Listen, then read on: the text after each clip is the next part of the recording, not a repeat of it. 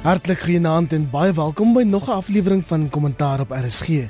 My naam Iver Price en oudergewoonte kookus ons oor die vernaamste nuusgebeure van die week en dit met van Suid-Afrika se voorste politieke kommentators.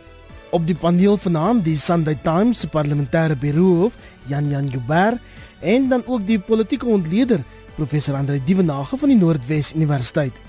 Jy kan ook deurentyd kommentaar lewer deur my op Twitter te volg en jou mening oor die sake van die dag te tweet bly geskakel.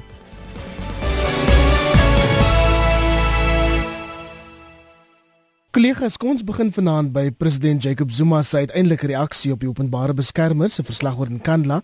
En Andre, die president het basies in sy reaksie op drie ondersoeke gesê die minister van polisie Nathan Schleke moet maar 'n paar somme maak en dan sy aanspreeklikheid bepaal in aggenome vorige praktyk en kultuur. Dit kan tog nie so eenvoudig wees nie.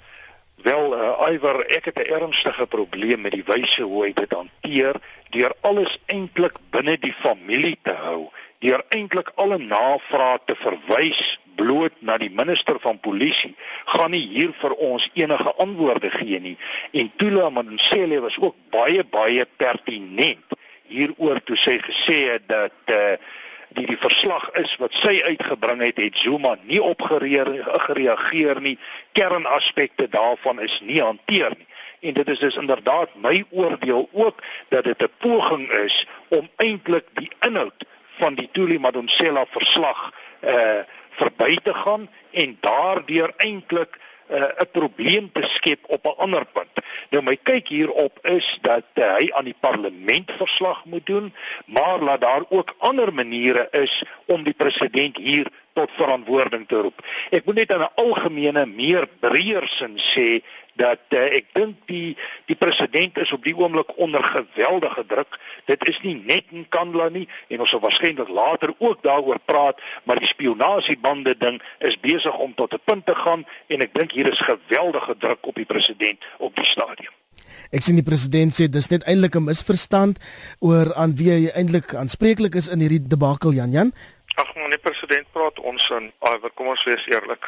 Benoude katte maak benoude spronge en ek dink um Andre het absoluut sy vinger daarop gesit dat hier hier is 'n hele paar dinge wat op die president inspel. Is geen wonder hy lyk soos hy lyk nie.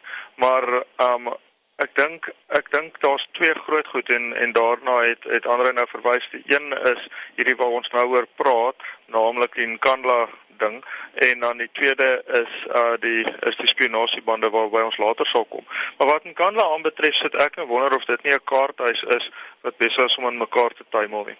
As jy kyk vandag, dan sê die argitek van daardie um van daardie verbouings by Nkandla dat um hy gaan nie die geld terugbetaal nie. Hy gaan hof toe om um die om om te sê ek gaan nie hierdie geld betaal nie, dis nie my skuld nie. En hy het swaar gewigte aan sy kant. En as jy kyk wie sy swaar gewigte is, dan sit Barnabas Kulu en Paul Ngubeni. Barnabas Kulu is die ou wat die um, vriende van Jacob Zuma gestig het hier in 2005 toe Zuma moeilikheid gekry het. Nou hy draai nou teen sy vorige baas en sy vorige vriend. En tweedens, ehm um, die ander ou Paul Ngubeni is die een oor wie ons vir baie jare al op die program gepraat het. Die een wat Lindiwe Sisulu se ehm um, se raadgewer was, die voormalige ou hier van die Universiteit van Kaapstad. En dis die ou wat die ehm um, wat die hele planne mekaar gesit het vir Zuma om los te kom met die spionasiebande. So nou sit jy met daai twee ouens teen Zuma en jy weet ehm um, Ja, so ou moet oppas om nie te veel te sê nie in die sin dat dat ehm um, daar's ook sulke goed soos soos reëls en en wette in verband met wat jy oor mense mag sê. Maar ek weet nie as jy in so moeilike situasie sit soos die president en jou vriende draai teen jou het jy 'n probleem. Nou sit die president ook met 'n ander probleem en dit is iemand na wie hy verwys het in daardie antwoord wat hy aan die parlement gestuur het van 20 bladsye oor Nkandla is sy eie adjunkminister Henrietta Bogopani Zulu en sy sê nee kykie, um, hy het eens met my gekonsulteer nie en ek stem nie met hom saam nie. Nou sit hy in sy eie kabinet met iemand wat sterk genoeg voel. Met ander woorde dink dat die president swak genoeg is dat sy ook kan begin 'n uitspraak maak. Jog, ek dink hy's in die moeilikheid. Hy's in die moeilikheid. Kom ons staan vir 'n oomblik stil by die spionasiebande want dit is eintlik alles deel van hierdie fenomeen genaamd Jacob Zuma en president Zuma die week toegegee dat hy nie 'n feitelike basis het waarop hy sy appel kan bou nie, aandry om nie die spionasiebande aan die DA te gee nie. Wat is die implikasies daarvan? Wel, Iwer, ek dink dit is waarskynlik een van die meer verrekkende besluite en rigtings wat gegee word aan hierdie proses. Ons moet net onthou dat sedert April 2009 toe hierdie ding gebreek het dat uh, die president sê hier's 'n komplot agter die skerms en op grond van die komplot word alle korrupsie aanklagte wat in die opbou tot die Polokwane konferensie teen hom tot stand gekom het word verwyder.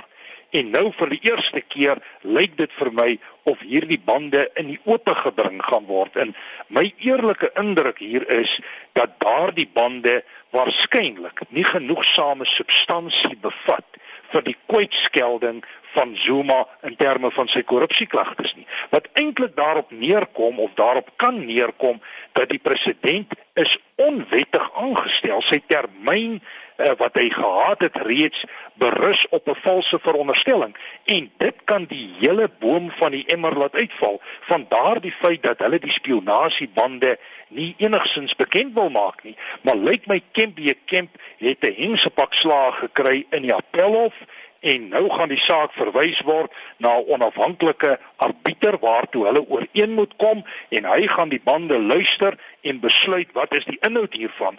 En indien hulle nie tot 'n persoon ooreen kan kom nie het ek 'n vermoede dat die appelhof gaan besluit ten gunste van die oopstel van die inligting want dit gaan hier oor konfidensialiteit versus toegang tot inligting. En die toegang tot inligting hier is kern en ek is bevrees dit kan vir Zuma letterlik 'n doodsklok laat lui en dan lees ons dit nog saam met die hele Kandla verhaal. Daar's ook ander verhale. Daar's gerugte van onstabiliteit in sy kabinet. Ons het hierdie probleme by SSA gesien uh oor die vorige naweek ten opsigte van die spesiale eenheid wat daar bestaan en wat klink vir my of hulle volgens berigte nie altyd binne die spelreëls funksioneer nie. So ek dink dis ontsettende moeilike tye vir meneer Zuma. My eie oordeel is, ek dink meneer Zuma is oor die Rubicon. Hy's klaar in die moeilikheid, dis net 'n kwessie van tyd. En dan het Adrian Basson Jan Jan die week in sy beeldrubriek gevra, hoe raak ons van president Zuma ontslaaf voor 2019? En volgens Adrian is daar drie opsies. Die eerste is om terug te roep soos met Thabo Mbeki gebeur het.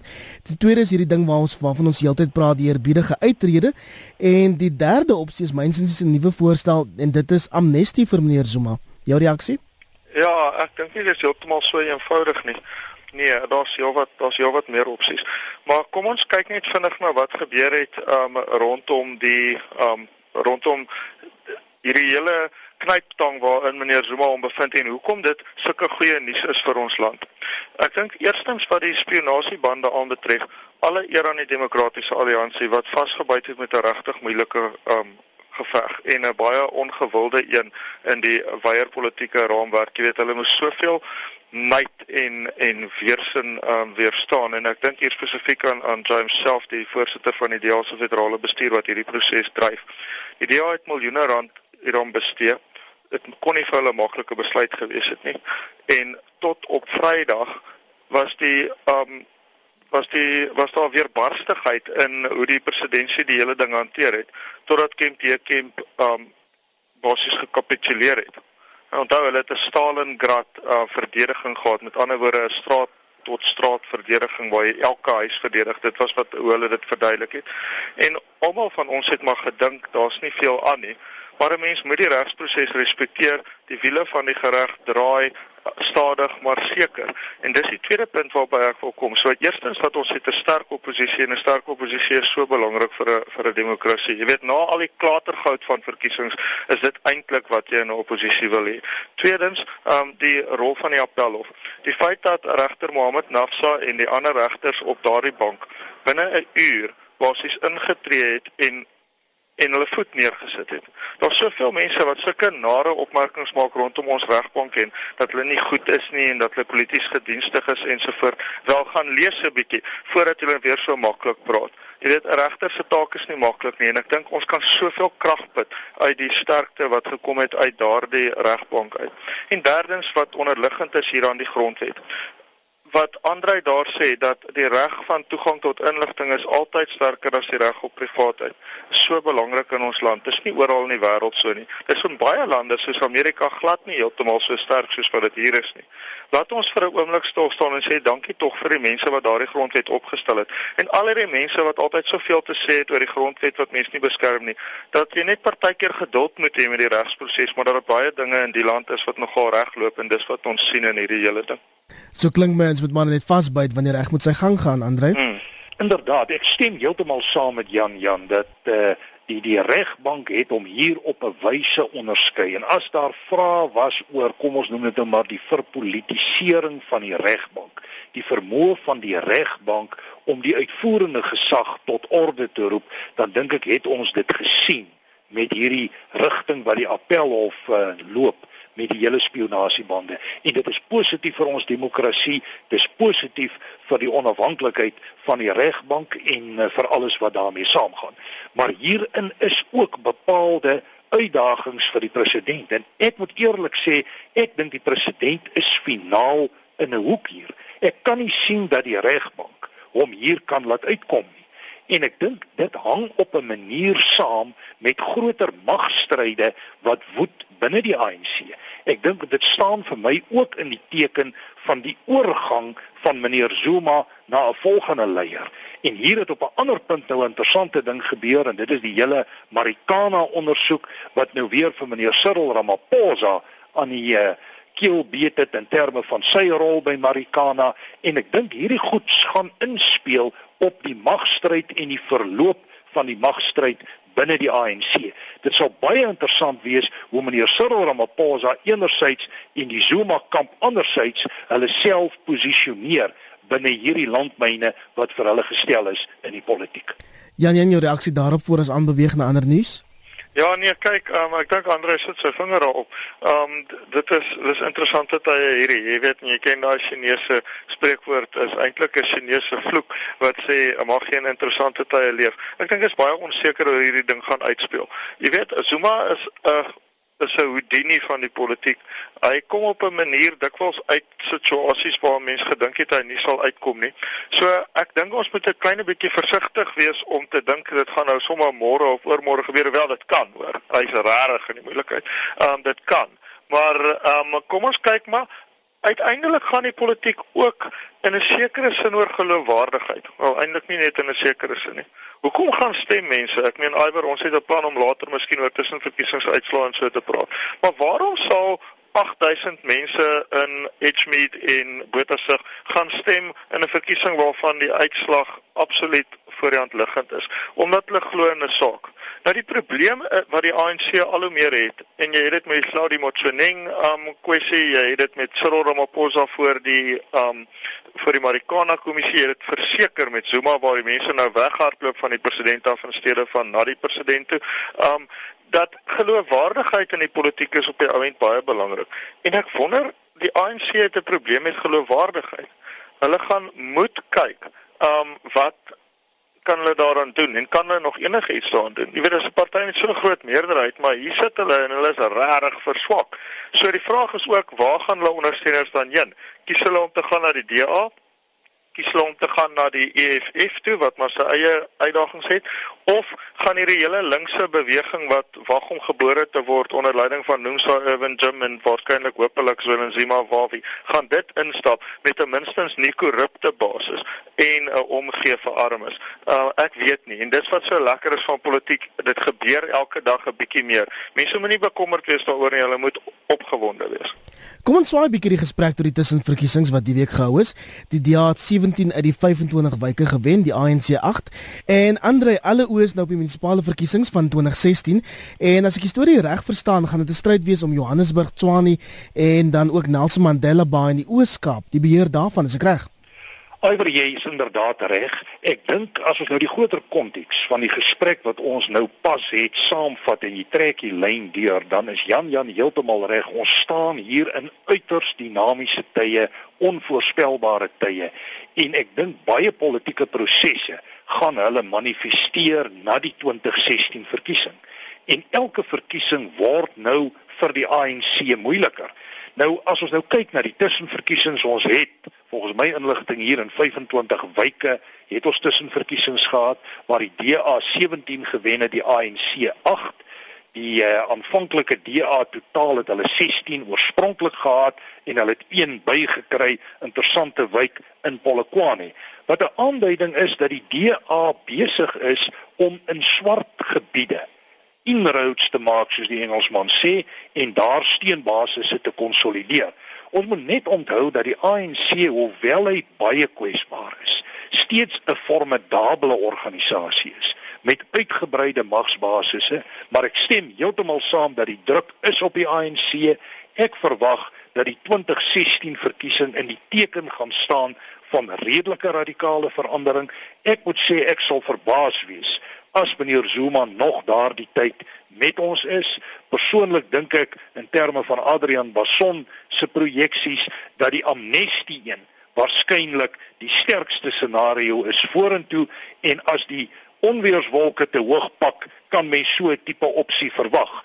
Maar is groot skuwe binne die ANC. Die ANC gaan dit moeilik vind om daar 'n sterk beleid te verkoop. Hulle baanrekord word al slegter. Ons weet van die krisisse ten opsigte van dienslewering, die krisisse met elektrisiteitsvoorsiening, watervoorsiening en so aan. So ek verwag dat Jan Jan o Jan Jan korrek is as hy sê dat hier gaan skuwe kom in die politieke omgewing, die groot momentum lê vir my links van sentrum en daar is 'n baie interessante proses aan die uitspeel. En dit is die groot vraag, gaan die swart maggroepe en hier kyk mense na onder meer die EFF, maar daar is ook ander en die radikale sosialiste, hier kyk jy na die Nomsas, gaan hulle mekaar vind? Gaan hulle saam geboorte gee aan 'n werkersparty. As hulle konsensus onder mekaar gaan kry en histories kon hulle dit sover nog nie heeltemal reg kry nie dan kan dit 'n splinter nuwe dinamika veroorsaak. My kyk op die demokratiese alliansie is dat hulle organisatories baie funksioneel is, dat hulle hulle dinge goed doen, maar dat daar ook 'n bepaalde plafon vir hulle gedefinieer staan in terme van hulle steunbasisse. Wat interessant gaan wees is indien die ANC op al hoe meer losse skroewe begin beweeg, waar gaan die steunbasisse heen gaan? En ek en 'n kollega van my pas 'n artikel hier voltooi en vir ons is die oorweldigende getuienis daar dat ons politieke spektrum is besig om links te skuif en dat die politieke momentum links van sentrum begin ontwikkel. Jan Jan is daar spesifieke tendense wat jy wil uitlig uit hierdie tussenverkiesings die week? Ja, ek wil eerstens vir Andre vra of my daai artikel aan te stuur. Ek sal dit ek wil dit so graag onder oë hê. Jesus, like, ons is aan bevoorreg om sulke politieke wetenskaplikes te hê, hoor.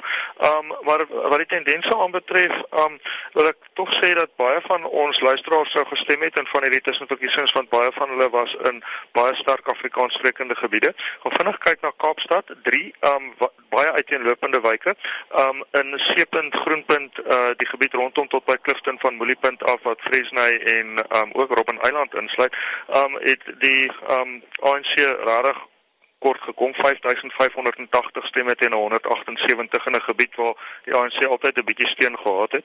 Dan die mense van Bottersig en Edgemit 7318 teen 26 vir die DA gestem. Kensington en Factoryton, die gebied hier so op die Kaapse vlakte, het die DA gewen met 3506 stemme teen 200.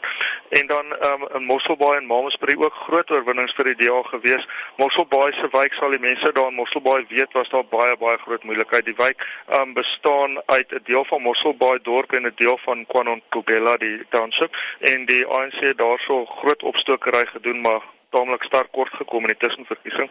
In die moot in Pretoria, aan die hart van die Afrikaners van Pretoria, het die DA 94% van die stemme gevat. Potchefstroom daar by ander hulle 98%. Kroonstad ook by die 90% teen 'n Vryheidsfront kandidaat en in Hospitaalpark Bloemfontein ook dieselfde tipe tendens. So ek dink wanneer mense eendag oor die Vryheidsfront praat, um Jo, uh, ek kan nie glo dit nie 'n kandidaat gestel in die moot nie. Nou was daar verskeie ander, daar was Port Elizabeth een wijk wat die DA afgestaan het aan die ANC baie vreemde wijk. Ek ken daai stad nie baie goed nie, maar dit is Seaview, um Blue Horizon Bay en die St Albans tronk.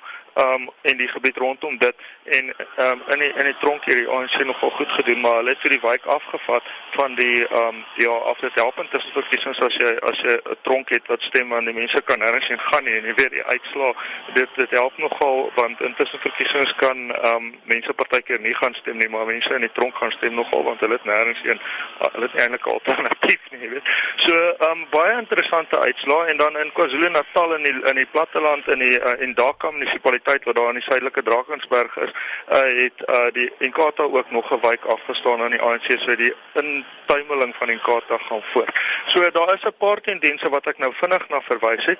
Die wijk in Polokwane ook belangrik. Dis dis um dit is Flora Park daarso in, in Polokwane wat 'n baie geïntegreerde woonbuurt is wat 'n ANC uh setel was en waar die DA baie baie maklik gewen het op 'n lae stempersentasie. So um 'n hele paar tendense wat ek net vinnig daar aangeraak het, maar ek stem saam met Andre en sy kollega dat die die tendens is na links en dit kan interessant wees want na links beteken 'n klomp goed, maar een van die dinge wat die linkerkant altyd op keer teenoor sy opponente en dis waar die ANC die deur so groot oopgemaak het, is dat wat die linkerkant en die liberale kant in gemeen het, is 'n weerstand in korrupsie. En um die ANC se Achilleshiel hierso of dit meneer Ramaphosa is voor die uh, Marikana kommissie die president met al hierdie dinge waarna ons nou klaar verwys het. Is um, sy Achilleshiel is 'n persepsie van korrupsie En dit is waarop ek dink die links is van Nomsa en uh Zwelenzima waar we in daai ouens gaan teer wanneer hulle werkersparty beginne. En ek dink die EFF is baie ver van 'n werkersparty af. Dit is meer 'n nasionalistiese kapitalistiese party gegrond op rasbasis. So daar's 'n verskil tussen hulle en daai links is. Die EFF is baie dinge, maar hy's nie links nie. En ek dink ons gaan baie baie interessante tye hê. Hoopelik gaan dit vir die land goed wees. Ja, ek dink wat Jan Jan daar maak is baie geldige argumente en stellings. My kyk daarop is dat die, die politiek links van sentrum uh is 'n baie interessante omgewing op hierdie stadium. En Jan Jan is reg van my studente wat aan daardie kant van die politiek funksioneer en ook navorsing doen, beskrywe byvoorbeeld vir Malema glad nie as links nie. Hulle plaas hom binne 'n baie sterk fasistiese verband wat hom eintlik regs plaas binne die linkerkant van die politiek. amper op 'n manier so ver regs dat hy amper weer by jou reaksionêre politiek aan die ander kant uitkom wat maar net wys hoe geweldig kompleks hierdie betrokke omgewing is, maar hy's uiters dinamies en dit lyk vir ons in terme van potensiële steunbasisse of daar 'n baie groot momentum in ons politiek na daai kant toe gaan en dit lyk ook vir my of die ANC 'n onvermoë het om hierdie aanslag te kan hanteer en dit hou verband met die punt wat Jan Jan daar maak dat die linkerkant en die liberaliste is baie sterk gekant teen korrupsie en die ANC ANC het nie 'n goeie rekord nie. Hulle het ook 'n swak rekord van dienslewering en ek is bereid om te sê in hierdie smeltkroes aan die linkerkant van die politiek.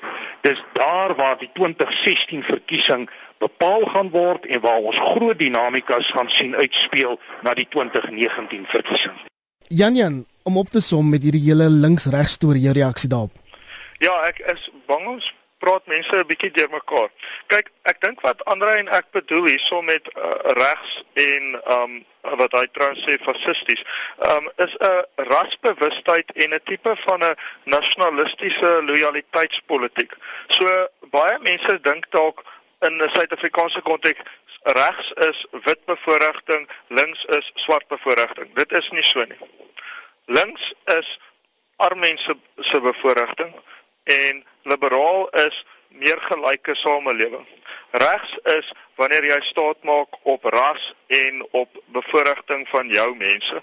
En wat Andre en ek hier probeer sê is dat daar nie 'n reuse verskil is tussen wat Julius Malema hulle aanhang, naamlik om swart mense nou maar te bevoordeel, dit is nasionalisme en wanneer jy verder gaan met fasisme dan is dit tot ernstige uit uh sluiting van enige iemand wat van jou verskil Onthou byvoorbeeld waar die Duitse fasisme ingekom het was um, dat die nasies het ook die Duitse mense wat nie met hulle saamgestem het nie net so erg behandel as enige iemand wat nie Duits was nie. So dit is waarom ons sal sê Julius Malema is nie links of liberaal nie. Hy is in 'n sekere sin regs, maar binne 'n Suid-Afrikaanse konteks omdat hy regs en swart is vir swart mense tot uitsluiting van enigiemand anderster is hy 'n uh, tipe van 'n rasnasionalis wat ons nie aan gewoond is nie. So dit is wat ons bedoel. Kollegas, as ons kan aanbeweeg, kom ons praat oor Paulo Jordan wat maandag as uh, ANC LP bedank het en ook aangebied het om sy pos in die ANC se nasionale uitvoerende komitee te verlaat en as 'n ANC lid te bedank. En dit als na berigte in die Sunday Times dat hy sy kwalifikasies vervals het. Janie, ek wil weer by jou begin want jy werk vir die Sunday Times en dit is nogal verfrissend om weer 'n berig te lees wat so goue onmiddellike reaksie eintlik lewer. Ja, ek moet jou sê dit was 'n pynlike berig vir ons om te doen, um omdat Apollo uh, Jordan iemand is wat geweldig baie respek afdwing met sy kennis en met sy um wye uitkyk op dinge. Ek dink ook dit word in 'n sekere mate gereflekteer daarin dat hy die ordentlikheid gehad het om te bedank toe sy groot leen aan die lig gekom het. Um ons het baie lank aan daardie ding gewerk omdat ons dit aanvanklik nie geglo het nie. En hoe meer navorsing ons daaroor gedoen het hoe meer het ons gesien maar dit is so. En toe het hy op 'n punt gekom waar hy eintlik my kollega Gerrit van Onselin gesê het kyk jy nou 'n keuse hierso. Jy kan of skryf oor hierdie klein um aspek naamlik my nie bestaande doktersgraad of ek kan vir jou die uh geleentheid gee om 'n hele biografie te skryf en dan uh, gaan jy nou baie groter uh, verhaal hê om te vertel. En op daai punt het ons besluit maar dit kom neer op omkoopry en dis toe ons die berig aanvanklik gedoen het. So wat nou gebeur het is dat um meneer Jordan en dit voel vir my so vreemd om om vir meneer Jordan te sê want ons al die jare dokter Jordan gesê. Meneer Jordan um het nou basies ondergronds gegaan. Ons kan hom glad nie vind nie. Hy is nie by sy huis nie. Sy vriende weet nie waar hy is nie. Eintlik is mense redelik bekommerd oor wat hy kan doen, maar um dit is vir hom 'n verleentheid, maar dit skyn nie lig op 'n groter probleem in die Suid-Afrikaanse samelewing. Dit gaan nie eintlik hieroor Paulo Jordan nie. Dit gaan oor mense wat voorgee om kwalifikasies te hê wat hulle nie het nie. En dit is gevaarlik omdat dit spreek tot vaardigheidsvlakke in ons samelewing. Byvoorbeeld, as jy voorgee om 'n ingenieur te wees, maar jy het nie 'n ingenieurskwalifikasie nie, dan gaan jy brûe bou wat aan mekaar gaan tuimel. Ons vertrou maar die mense wat wel ingenieurskwalifikasies het, gaan dit nie doen nie. Um en dit is die belang van hierdie hele saak. So die goeie uitvloeisel hiervan soveel as wat dit 'n persoonlike tragedie is, is dat dit um die lig skyn daarop. En ek dink Andrei as 'n akademikus wat ek weet um sy doktorsgraad verseker met in die sweet van sy aangesig verdien het, um gaan hopelik met my saamstem dat hierdie hele kwessie van vaardigheidsvlakke en akademiese standaarde is 'n baie belangrike een en dat dit nou deur Paulo Jordan aan die lig moes kom is 'n jammerte, maar dit kan vir die land baie goed wees as ons dit kan uitbou. Is dit nie nou tyd dat die mense nou nie kyk na al die kwalifikasies binne die parlement nie, Andre? Iwer ek dink dit is noodsaaklik dat daar 'n baie streng audit gedoen word, maar eintlik in 'n gewone samelewing en 'n gewone demokratiese struktuur wat effektief funksioneer en 'n onderrigstelsel wat behoorlike data het, behoort hierdie goed nie 'n probleem te wees nie. Ek moet eerlik sê in die tyd toe ek my doktorsgraad gedoen het, waarna Jan Jan verwys, het almal omtrent van almal geweet in die land wat doktorsgrade in politieke studies gedoen het. Ek besef die wêreld is nou oper, maar daar's 'n noodsaak uh, vir kontrole. Maar ek wil graag die die uh, argument voer op meer as een vlak. Ons sit in Suid-Afrika met 'n baie groot moraliteitskrisis. Ek het 'n tyd gelede in 'n vergadering gesit waar daar baie senior mense was. En toe praat hulle dat hulle hulle eintlik nie meer regtig begin te skik na die reëls in Suid-Afrika nie. Jy stop nie vir 'n stopstraat nie. Jy ry oor 'n robot as jy kan. Dit maak nie regtig saak nie want almal doen dit. En as ons daai punt bereik, is ons by 'n baie baie slegte situasie.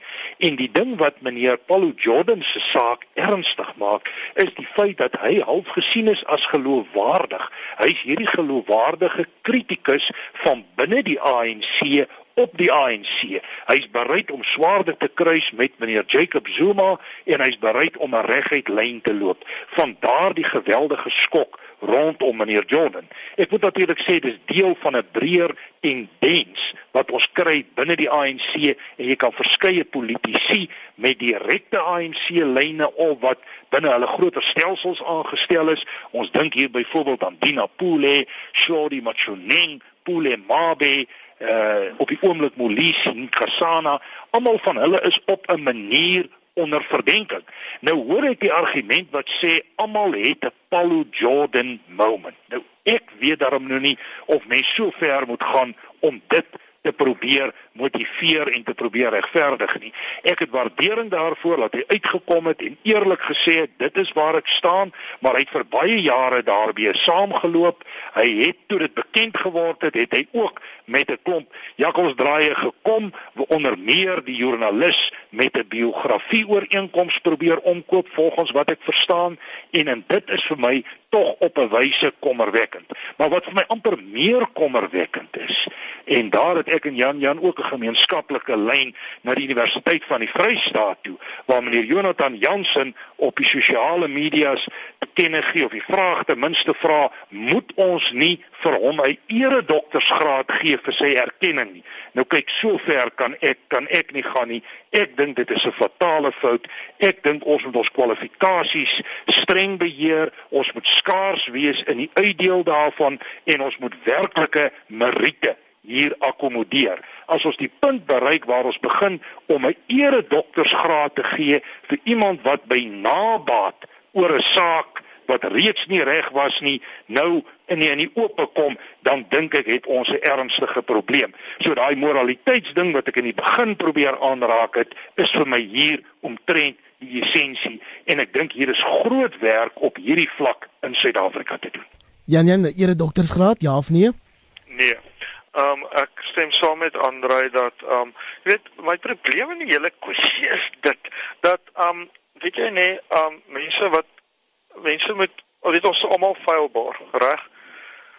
Maar en en dit is dit is 'n hele probleem is op um, die parlement is swakker met Paulo Jordan daar buite as wat dit was met Paulo Jordan daar binne maak nie saak wat nie. Ek dink dis die punt wat wat professor Jansen probeer maak het, maar ek dink nie hy het dit op die regte manier gemaak nie en ek meen ek is 'n geweldige groot bewonderaar van professor Jansen, maar jy, jy moet altyd weet dat die mense wat jy bewonder word versterk daardeur as jy met hulle verskil wanneer jy met hulle verskil oor beginsel. En uh, hierso verskil ek met hom.